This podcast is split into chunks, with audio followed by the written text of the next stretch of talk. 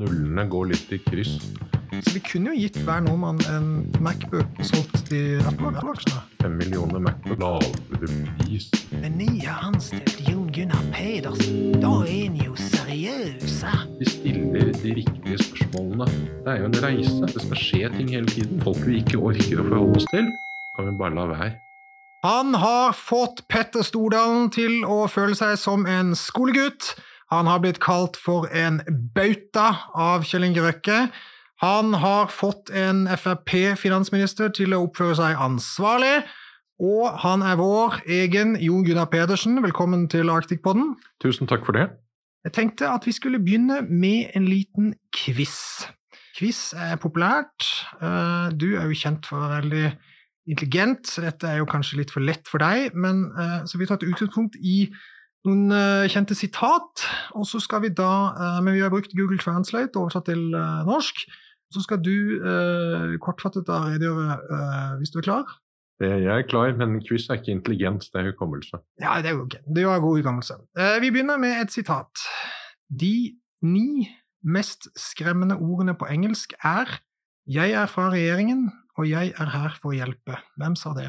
Det sa Ronald Reagan. Han var kanskje ikke den første. Men han sa det i hvert fall. Cirka hvilket år? Eh, det er jo selvfølgelig korrekt. Hvilket år cirka? Nei, det må ha vært i uh, Jeg vil tro han har sagt det mange ganger. og Hvis han sa det i sin første, første gangen han kjempet for president, så må det ha vært på siste halvdel av 60-tallet. Men så gjentok han det sikkert da han var president. Uh, så da snakker vi altså tidlig 80-tall. 86 er riktig. Du får, du får riktig på den. Da følger vi opp et annet sitat. Det er ikke noe som heter samfunn. Det er individuelle menn og kvinner, og det er familier. Og ingen regjering kan gjøre noe annet enn gjennom mennesker. Og folk må først se på seg selv. Det er vår plikt å ta vare på oss selv, og da også ta vare på naboen. Ja, Det er et litt urettferdig sitat, for det begynner litt sent. Det er Margaret Thatcher som sier det, men hennes hovedpoeng det er at du kan ikke forvente at det finnes en ting eller et dyr som heter samfunnet som tar vare på deg det, det, er det samfunnet gjør, det gjør enkeltmennesker. Det er sykepleierne, det er legene, det er brannfolkene. Det handler om at samfunnet består av individer. Men det benekter ikke at det er et samfunn. Men samfunnet, når det gjør ting, gjør det gjennom millioner av enkeltmennesker. Thatcher er korrekt, og jeg velger jo å si at din tolkning sikkert er også korrekt. Husker du hvilket år, cirka? Nei, det husker jeg ikke. Det er 84 omtrent. Ja, 87. Nei, men nok. Da tar vi eh, det tredje sitatet. Eh, de som reiser på hyttene, gjør det vanskelig for oss å få kommunene til å ivareta sin oppgave, viktigste oppgave, liv og helse. Derfor oppfordrer jeg alle som er på hyttene sine, om å dra hjem. Det høres ut som noe man kan ha sagt i fjor. eh, og, men om det har vært eh, statsminister eller helseminister, det vet jeg ikke. Det var Erna. Det var eh, riktig, og det var eh, selvfølgelig mars 2020. Um, er, mulig at uh, du skjønner at vi er inne på et slags tema her, men hvis vi tar et siste sånn bonusspørsmål, siden du har truffet på tre og tre til nå, så har jeg et siste bonusspørsmål. Hvem sa side om side, sammen hjelper de hverandre, staten og kapitalen, de sitter i samme båt, selv om det ikke er de som ror, slik at svetten damper, pisken som kiler, kiler heller ikke deres fete nakker? Nei, det, det, vet jeg faktisk ikke. Det um, høres jo ut som noe enten asiatisk eller amerikansk. Men uh, nei, det, det var et interessant sitat. Det var en sang av uh, Ebba Grønn. Ja. 'Staten og kapitalet'. Det er um, litt på den ytterkanten av min interessesfære, det må jeg innrømme svensk progrock ehm, var aldri en viktig del av oppveksten. Dagens quizvert er ganske godt fornøyd med å ha funnet et uh, sitat som uh, Pedersen ikke tok, uh, og vi byr oss elegant videre til temaet staten og kapitalen. Du er jo blitt kalt statens mann. Samtidig så er du vært høyrepolitiker, og det er jo egentlig en paradoks i seg selv. Kan du Nei, det, det er det jo ikke. Det, Høyre er jo vårt nest eldste parti. Når andre folk begynte å rotte seg sammen, så fant man på høyresiden ut at vel, da fikk man gjøre det selv også. Eh, og noe av årsaken til at man rottet seg sammen, det var ministeriet Selmer som ble utgangspunktet for mange av de som senere ble med i Høyre. Eh, det, I det konservative så ligger det jo noe beskyttende og bevarende. Og staten er en helt nødvendig del av en samfunnsorganisme. Det er ikke noen motsetning mellom det å være konservativ og det å være tilhenger av en sterk stat, som har oppgaver som historisk over tid vil variere. Samtidig så har de siste 40-50 årene vært preget i den vestlige anglosaksiske verden av mindre stat. Det har vært privatiseringsbølger, masse statlige selskaper som har gått på børs, det har vært uh, konkurranseutsettelser osv. Og, så og snudde alt det i 2020? Nei, men uh, historiebeskrivelsen din er nok ikke riktig. Det vestlige samfunnet, og heller ikke det anglosaksiske, har ikke vært preget av mindre stat. Tvert imot så har oppbyggingen de siste 40-50 årene vært en nokså jevn oppbygging av en stadig større offentlig sektor. Uh, men det har ikke betydd at privat sektor har blitt irrelevant men at det offentlige sektor har tatt på seg større oppgaver og utgjør en større del av økonomien enn tidligere. Det har skjedd også i USA, også i Storbritannia. Det har skjedd over i hele OECD-området. Den langsiktige trenden har vært mye sterkere enn det at vi har også avlastet staten for oppgaver som markedet har vokst stor nok til å overta. Det å finansiere de store statlige infrastrukturmonopolene, det var i en historisk periode en oppgave som staten var den eneste som kunne greie. Den historiske perioden er over, og andre kapitalkilder kan ta over mye av den finansieringen. Nå er det andre områder som kaller på statlig kapital. Men det man har åpnet for, er jo bare at staten ikke lenger bevarer ting som det ikke er nødvendig at den skal bevare. Der den kan overlate oppgavene til andre, så har staten gått videre. Men jevnt over så har offentlig sektor overhodet ikke blitt mindre i de siste 40 årene. Nei, altså i hvert fall så har offentlig gjeld blitt større i de aller fleste land. Amerikansk eh, gross national gjeld er vel nå på 27-28 trilliarder dollar, og eh, det er jo da større enn GDP, som er eller bruttonasjonalprodukt, som er på ca. 20 milliarder dollar. Um, min venn, la oss kalle han Espen, som eh, hadde hatt uh, et forskningsoppdrag i USA, fikk en sjekk fra Donald Trump på 1200 dollar, som han brukte til å kjøpe seg en ny gressklipper i Oslo. Er dette, er dette, forenlig med at vi lever i en uh, kall det markedsorientert uh, verden? For det første så er uh, formuleringen av spørsmålet en illustrasjon på at nullene går litt i kryss for veldig mange. Det ja, det kan jeg jo, bekrefte. det, det, det, og også min tante som eh, flyttet fra USA på slutten av 70-tallet og har bodd i Norge siden den gang. Og er britisk statsborger, men bodde i USA i et uh, tiår. Litt over det. Hun fikk også en sjekk fra amerikanske myndigheter. Og det viser jo en uh, veldig annen holdning til hvordan man har søkt å dempe den økonomiske sjokket som pandemien innebar, nemlig at de foretar en helt generell stimulans til folk uavhengig om man har vært spesielt rammet eller ikke. Vi tenker jo annerledes. Fordi vi har bedre systemer. Vi har bedre systemer for bl.a. å vite hvem som har lovlig opphold i landet. Det har jo ikke amerikanerne. De har jo anslagsvis to ganger Norges befolkning har ulovlig opphold i USA. og De vet ikke ordentlig hvor de er, og de vet ikke hvem de er. Så det er et land som skal jeg si, administrativt sett er veldig vanskelig sammenlignbart med Norge. Så det er ikke så rart at de tyr til helt andre virkemidler som vi ikke hadde funnet på. De har forgjeldet seg. Eh, risikoen med amerikansk økonomi er selvsagt at de har funnet ut at det har de kunnet gjøre før, uten at det har fått varige skadevirkninger. Amerikanerne har en veldig fleksibel økonomi, en enorm omstillingsdyktighet i økonomien, som gjør at når gjeldsbyrden har sett stor ut, så har de greid å ta seg sammen og vokse seg ut av krisen. Det er ikke det at amerikansk statsgjeld den har sikkert i perioder blitt mindre også, men jevnt over så er det ikke det som har løst gjeldsutfordringene for dem før. Det er ikke at gjelden har blitt mindre, men at veksten og bruttonasjonalproduktet har blitt større. Vi eh, takker for eh, de store tankene, og du har helt rett eh, at eh, det kan bli litt store tall. Hvis vi ser på Norge, da, så har jeg kikket litt i eh, din tidligere arbeidsgiver Finansdepartementets eh, publikasjoner, og der ser vi jo da noen fine illustrasjoner av eh, størrelsen på underskuddet, altså det de kaller da for et strukturelt oljekorrigert underskudd på statsbudsjettet, har vel økt da fra en ca. 250 milliarder til en ca. 400 milliarder, ifølge eh, Finansdepartementet i eh, Q4 i fjor. Eh, og det er, det er jo en delta da på ca. 150 milliarder kroner. Um, ja, er det mye eller lite som de, vi har brukt i koronatiltak? Det er fryktelig mye. Det er en enorm finanspolitisk stimulans uh, på samme, måte som det, på samme tid som den er veldig målrettet. Nå er det nok slik at ikke alle de midlene er blitt brukt. Det der er bevilgningene. Slik at en del av tiltakene som ble satt av, f.eks. penger som ble bevilget og gitt til Statens obligasjonsfond, har jo ikke blitt brukt. Det er bare en liten andel av de midlene som ble brukt. Og også en del av kompensasjonsordningen. Anslåtte kostnader var 50 milliarder, det viste seg å bli rundt 7-8. Så det, det, er ikke, Tallene er ikke ennå regnskapet, det er budsjettprognosen. Men det synliggjør enorme beløp som er skutt inn i økonomien for å motvirke de negative effektene av pandemien. Og du syns at det har vært sånn middels?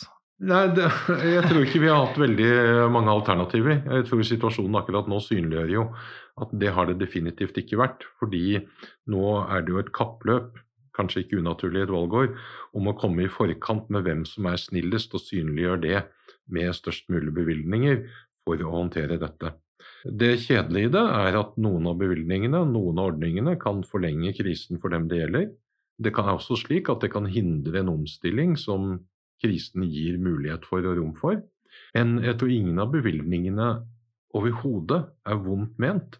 Og det er gjort ut fra et skjønn om at det er en smerte nå, det er betydelige problemer for mange hundre tusen mennesker, og vi har en oppgave, vi er nødt til å gjøre noe for å lette tilværelsen for dem så har det negative konsekvenser over tid. Det kan ha negative konsekvenser for hvor fort vi kommer tilbake til normalen igjen. Og vi bruker selvsagt av penger som våre barn ellers hadde hatt til disposisjon. Dette finansierings fra Statens pensjonsfond utland. Ja, men det er jo mye penger der, da. Eh, ifølge hjemmesiden så er det 11 000 milliarder kroner i eh, oljefondet. Og vi er ifølge SSB 5,38 millioner nordmenn, så det er ca. 2 50 000 per nordmann i oljefondet. Så da er jo ikke de 150 milliardene vi har brukt på koronatiltak, det er jo ikke så veldig mye penger i den sammenhengen. Nei, det er det ikke, men det er penger som er blitt varig borte fra det. Så hvis du regner med at vi hadde fått en varig avkastning av de pengene, så er det den, den reduksjonen i fremtidige offentlige utgifter som vi må ta hvert år inn i evigheten. De pengene som er brukt opp, er brukt opp. Og kronetallene på pensjonsfondet, det skal vi være litt forsiktige med å forelske oss i. Den enkleste måten for å få opp verdien av oljefondet da på, det hadde jo vært å kjøre i gang med skikkelig inflasjon. Så hadde vi fått en masse kroner i oljefondet uten at kjøpekraften internasjonalt hadde økt.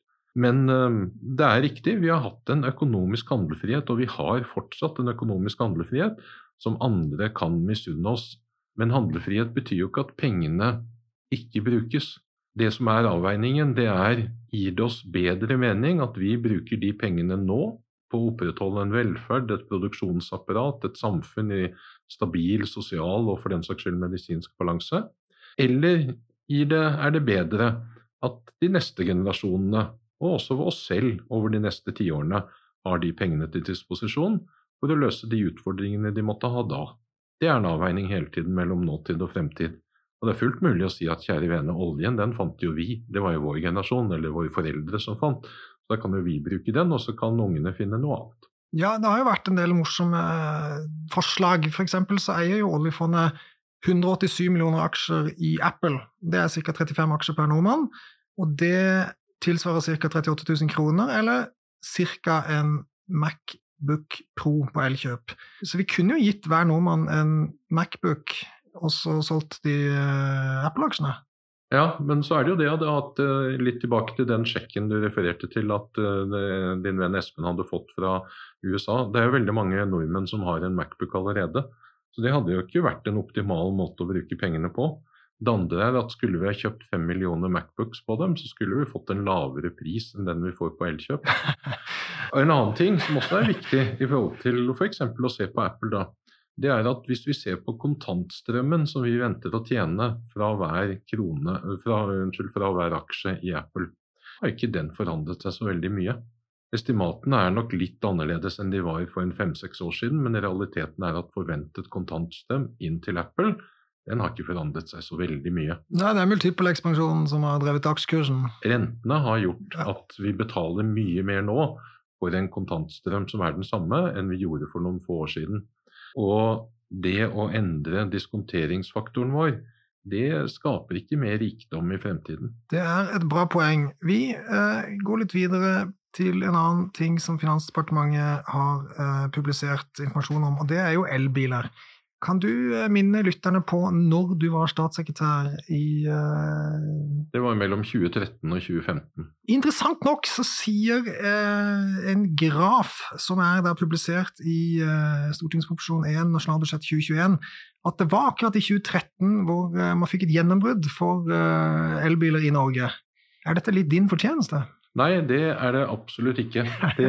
elbilen er vel et symbol i mitt bakhode på et velment tiltak eh, som eh, begrunnes delvis med en viss stormannsgalskap. Altså det vi gjør i Norge, kommer resten av verden til å se til og derfor følge, fordi alle er oppmerksomme på oss og føler at vi er helt i front av hva folk gjør. Eh, og en kanskje mangel på andre ting å komme på som kunne kombinere det å være miljøvennlig og det å være populær. Sett i forhold til uh, hvor mye CO2-utslipp vi får for pengene, så er elbiler en fryktelig ineffektiv måte å redusere De elbilsubsidiene vi har, en fryktelig ineffektiv måte å redusere CO2-utslippene på. Samme finansdepartement har vel uh, anslått et inntektstap på 27 milliarder kroner siden 2013 til 2019 eller 20? Ja, jeg sa i et avskjedsintervju da jeg gikk av som statssekretær at jeg hadde veldig lyst til å kjøpe elbil, og det har jeg fortsatt. De har jo blitt enda mye bedre i løpet av de fem årene, men jeg får meg ikke til å gjøre det. Altså, en, en narsissistisk sosiopat vil jo gjerne kjøpe en elbil, fordi det tilfredsstiller ønsket om å få en ny bil uten at du hensyntar samfunnskostnaden som det påfører oss at du velger å kjøpe den. Ja, Nå var vel 54% av alle elbiler i Norge solgt i Norge i fjor elbiler, så det var vel ikke alle som var nazistiske sosiopater? Vel... Eller så har vi et betydelig underdiagnosert uh, samfunnsmessig problem. Men jeg er enig i det. Det er ikke sånn lenger. Og gitt at min kone har elbil, og hun ikke er det, så, så ikke har den diagnosen, så, så skal jeg si meg enig i det. Men jeg føler det sånn. Fordi det å gå og si at jeg kommer til å kjøpe en dieselbil med mindre du gir meg like mye penger som en sykepleier tjener i året. Hvis du gir meg det, ja da kjøper jeg en elbil. Da gidder jeg å være miljøvennlig. Hvis vi må opp på de støttenivåene, så finnes det bedre måter å kutte CO2-utslippene på enn å gi det som systematisk også er en velstående del av befolkningen, store subsidier for å kjøpe nye transportmidler.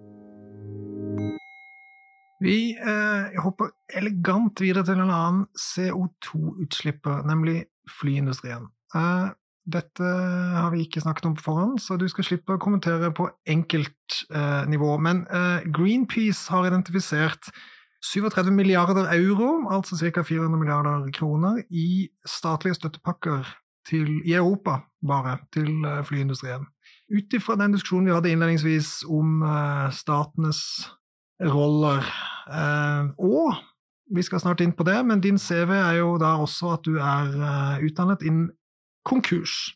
Er det riktig av eh, statene sånn prinsipielt å bruke penger på airline bailouts? Ja, i noen tilfeller helt sikkert. For deler av, deler av landene og deler av Norge så er flytransport helt nødvendig. Det er en måte å reise på som vi ikke hadde greid å la et moderne samfunn fungere uten. Det gjelder alt fra syketransport til for den saks skyld vanlige kommersielle eh, reiser, og for den saks skyld feriereiser også. Deler av eh, vår økonomi og vår velstand og vår trygghet er basert på at vi kan ha lufttrafikk, og det gjør det relevant for myndighetene å støtte det. Så er det også slik at lufttrafikk er konkurranseutsatt, og det er risikoutsatt. Og det er ikke slik at alle modeller for hvordan man skal drive luftfart kan overleve. Eh, det er noe man bør la markedet rydde opp i. Men at eh, lufttransport er en legitim måte å transportere folk på, det, det syns jeg. Og det er riktig å opprettholde det som en naturlig del av et totalt kommunikasjonstilbud. Samtidig så tror jeg jo man kan utnytte den pandemien vi har, til å tenke annerledes om lufttransport fremover. Jeg tror vi kan uh, greie oss med en del mindre reising, og det vil ha positive miljøeffekter. Men det dreier seg ikke bare om lufttransport, det dreier seg også om mange pendlerbevegelser. Før vi går inn på litt mer personlige ting, så leder du nå et utvalg. Um, det virker som det er mange med, og uh, det kan fremstå litt uh, uklart. Kan du redegjøre for uh, jobben og motivasjonen og hva man skal utrette i dette utvalget? Utvalget skal jobbe har fått arbeidstittelen og skal jobbe med Norge mot 2025. Og vi skal se på økonomiske tilpasninger etter pandemien. Det var ikke slik at pandemien er den eneste utfordringen vi har i Norge. Vi har en del andre strukturelle utfordringer. Overgangen fra en mindre avhengighet av fossile inntekter. Vi har en aldring i befolkningen, vi har hatt fallende produktivitetsvekst, og vi har ikke minst disse miljøutfordringene som er felles for veldig mange andre enn bare Norge.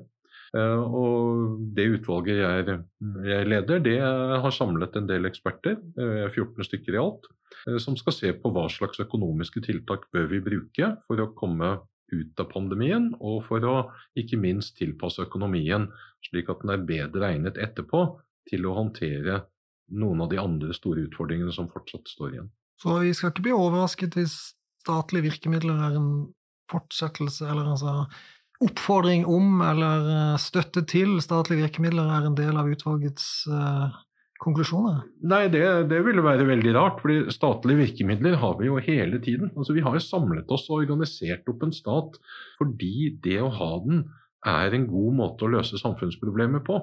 Det å ha et individuelt forsvar eller politi, det fant vi tidlig ut at det var ikke en god løsning. Så det ga vi noen i oppgave å håndtere. Og så har vi gradvis addet på flere andre oppgaver der vi finner at vet du hva, en fellesløsning på dette området, det gir god mening. Det gir god mening innen veiutbygging og kommunikasjonsutbygging også, selv om det er oppgaver der hvor du ser at vel, vi kan supplere med en del private løsninger på si, der det gir mening. Eh, så vi kommer til å ha en masse ulike statlige tiltak fortsatt. Eh, både for å håndtere ettervirkningene av pandemien, og også for å bygge videre den økonomien vi er felles om. Det er ikke slik at verdiskaping bare skjer i privat sektor. Verdiskaping skjer både i det private og det offentlige. Og det offentliges tilrettelegging for privat sektor er jo en veldig viktig del av verdiskapingen. Vi hadde ikke også fraktet en eh, ting en meter i Norge hvis vi ikke hadde hatt noen som bygde veiene som vi kunne kjøre lastebilene på. Laksen trenger veier. Det finnes ikke noe som har så dårlig tid som en uh, død laks, var det en som sa. Så, bra. Vi ser litt på din uh, CV, Jon Gunnar, og um, du uh, begynte jo i meglerbransjen i 1994, det herrens år. I den forbindelse så har jeg lest at uh, du har gitt uh, en karakteristikk av deg selv, eller det ble jo gitt til deg, da, uh, hvor ordet Odd ble brukt. Tenker du da at de tenkte på fotballaget Odd, eller var det den engelske definisjonen av Odd? Nei, jeg har, jeg har, en onkel og tante som heter Odd og Randi, og de har alltid problemer når de skal presentere seg i England, hvor han sier at 'I'm odd and she's Randy'. Eh, det var nok det at du var litt annerledes. Eh, og det er jo noe som eh, har vært med meg, og i og for seg den gjengen som var med å starte Arctic også hele tiden siden. Dette at vi ser jo etter folk som faller litt kanskje ut fra det normale, litt utenpå sånn som alle de andre ser ut. Fordi det er alltid verdt å skape litt ulikhet internt i gruppa for å få bedre diskusjoner. Hvis alle er enige om noe, så er det ikke sikkert du får den diskusjonen som skal til for å bringe frem den virkelig gode ideen, eller stoppe den dårlige. Du er nødt til å ha en del folk med deg som av og til kan være plagsomt kreative, eller plagsomt negative, men de stiller de riktige spørsmålene. Og Det er ikke grus i maskineriet, det er heller salt på maten. Det er altså slik at vi sørger for å lage en spennvidde å få med forskjellige mennesker for å få forskjellige synspunkter inn på dette. Hva, hva var det du savnet mest uh, fra Arctic når du var uh, borte i departementet? Det var vel tre ting. Det ene var det at jeg hadde jobbet sammen med folk som jeg selv hadde vært med på å ansette og bygge en firmakultur med. Eh, sånn er det ikke i Finansdepartementet. De har en 200 års tradisjon for å holde finanser i sjakk. Det er et fantastisk arbeidsmiljø og et enormt engasjement i departementet. Men det var ikke jeg som hadde vært med å ansette alle sammen, og det, det var en kultur å gå inn i. Du var ikke grunnlegger av Finansdepartementet? Nei, det, dessverre. Det var til å, til å helt andre enn meg. Eh, så det, det, var den ene saken, at det var ikke det samme type fellesprosjekt. Den andre siden var at jeg visste hele tiden at dette skulle være midlertidig i Finansdepartementet. Og da gror du ikke fast på samme måten som du har lyst til å gro fast i et firma som, som Arctic.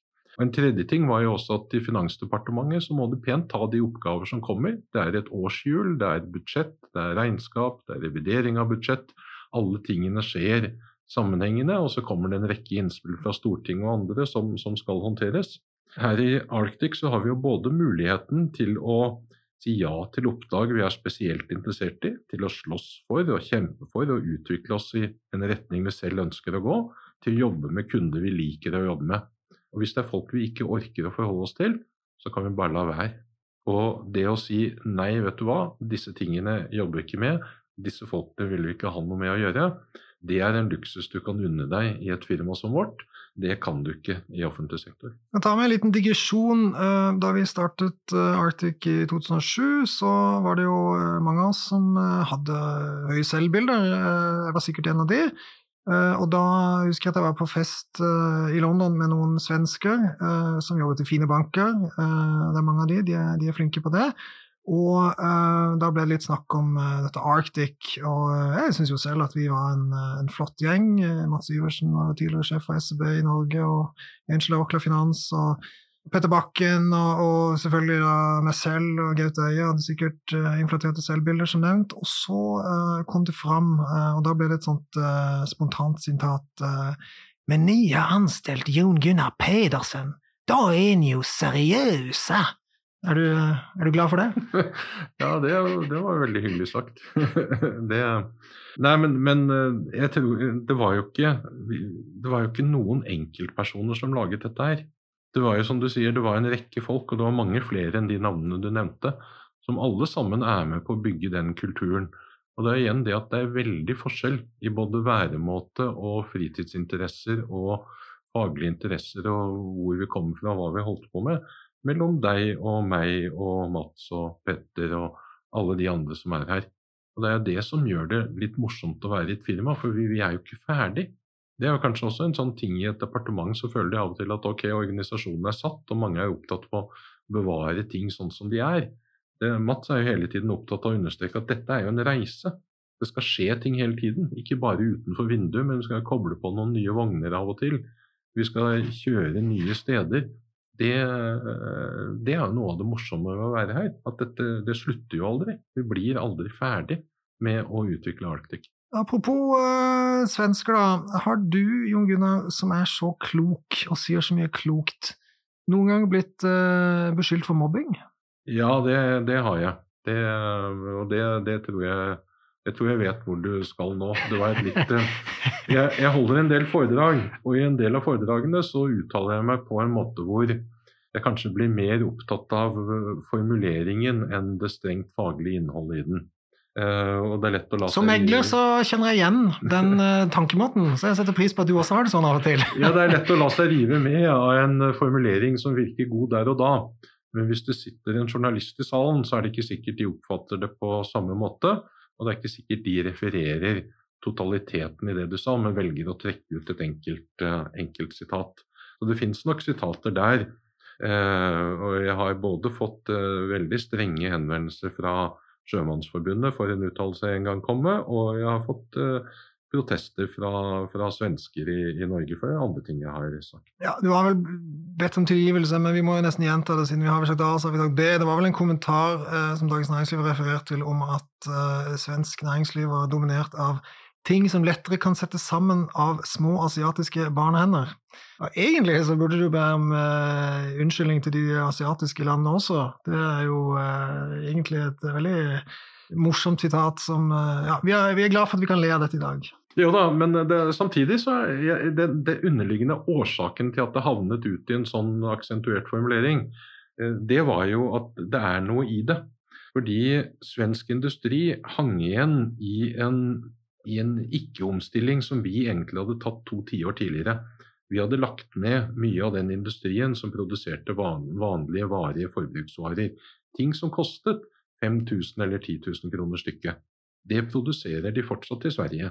Det, de holdt på lenge med både, og det gjør det i noen grad fortsatt, både uh, motorsykler og uh, De lager jo noen biler fortsatt, og de holder på med vaskemaskiner og motorsager og gud vet hva. Og Det er ting som er helt annerledes utsatt for en annen type global konkurranse enn de tingene vi har lært oss til å lage. Skal du kunne greie å opprettholde industri i Norge, så må du lage ting som krever veldig mye kompetanse per arbeidstime. Så vi, Mens de produserer fortsatt ting som koster 5 og 10 000 kroner stykket, så lager vi ting som koster 50 millioner kroner stykket. Fordi de er sammensatt på en så kompleks måte og inneholder så mye teknologi. Det er en viktig del av endringene som har skjedd i dette bildet. Og det gjorde, vår, gjorde at vår teknologi ikke bare er hva skal jeg si, det, det, er jo ikke bare en enkel bearbeiding av grunnstoffer. Det er jo sammensetning til mye mer komplekse ting. Og det er også måten vi kan overleve på. Og den aller beste kompleksiteten, det er jo når vi frigjør det helt, denne sammensetningen av nye ideer og tanker, fra det materielle og produserer det i den rent digitale verden. Der eh, har vi problemer med å henge med. Det er det andre som er enda flinkere enn oss, men vi har noen miljøer som greier det også. Det var vel noen svenske lyttere som uh, himlet litt med øynene og tenkte uh, olje og laks det er så jævla komplisert, men uh, vi lar den ligge. Du bodde jo i New York en periode, jobbet for Arctic der også. Var du ofte innom 225 Madison Avenue, The Pierpoint Morgan Library? Ja, jeg var der to-tre ganger. Det var ikke et sted man hang ofte, for det er mer et museum nå enn et levende bibliotek, men det går an å låne bøker der. Er det der du fikk eh, inspirasjonen til å kjøpe deler av uh, Oslo universitets uh, bibliotek? Nei, det er det ikke. Det går nok mye lenger tilbake enn til det. Det er en film med, en film med Rex Harrison i hovedrollen som professor Higgins, 'My Fair Lady'. Han hadde et bibliotek på to etasjer i den filmen. Det kom vel ut på 60-tallet en gang. og jeg så den som ganske liten. Eh, hun må ha vært en ni-ti år gammel, tenker jeg. Eh, og han hadde da et bibliotek i to etasjer med en vindeltrapp opp til andre etasjen i ett rom. Og der er det den inspirasjonen kommer. JP Morgan-biblioteket har jo også etasjer. Eh, I hvert fall noen sånne avanserte stigeløsninger, husker jeg. Så ja da, du kan gå inn bak bokhyllene på en veldig fin måte. Så det var noen ideer ble tatt med derfra også. Men eh, nei da, det var, det var, professor Higgins og My Fair Lady som var den første inspirasjonen, og det har jeg heldigvis kunnet få, få leve ut da, i å bygge mitt eget. Du, siste spørsmål. Jeg så med bestyrtelse at Dagens Næringsliv skulle legge ned eh, på nattbordspalten. Det sto uh, litt sånn tilfeldig meldt i avisen, og det sto da at de hadde ikke funnet noen sponsorer som har villige til å ta denne online-løsningen videre. Hvis du hadde blitt bedt om en eh, kronrulling til inntekt for På nattbordet-spalten, hadde du stilt opp da? Ja, det hadde jeg gjort. Det, jeg syns det var en av de mest spennende tingene å lese i avisen. Der hadde jeg også stilt opp, så da får vi si eh, synd at eh, dette kom etter Dagens Næringslivs eh, konklusjon. Hvis ikke de da ombestemmer seg og ringer til eh, Pedersen. Takk. Takk skal du ha. Denne podkasten og dets innhold skal anses som markedsføringsmateriell fra Arctic og må ikke oppfattes som investeringsanbefaling eller som investeringsanalyse. Innholdet i podkasten skal ikke anses for å være investeringsrådgivning tilpasset den enkelte kundes behov. Informasjonen og uttalelser fra Arctics ansatte og gjester som gis i podkasten, er ikke ment å utgjøre finansiell rådgivning. Innholdet i podkasten er ikke gjennomgått eller godkjent av Arctics avdeling for analyse. Arctic, dets ansatte og kunder kan ha posisjoner i finansielle instrumenter som omtales i podkasten. Arctic er ikke ansvarlig for hvordan informasjonen i podkasten benyttes eller tolkes. Arctic minner om at enhver investering i et finansielt instrument er forbundet med risiko for økonomisk tap.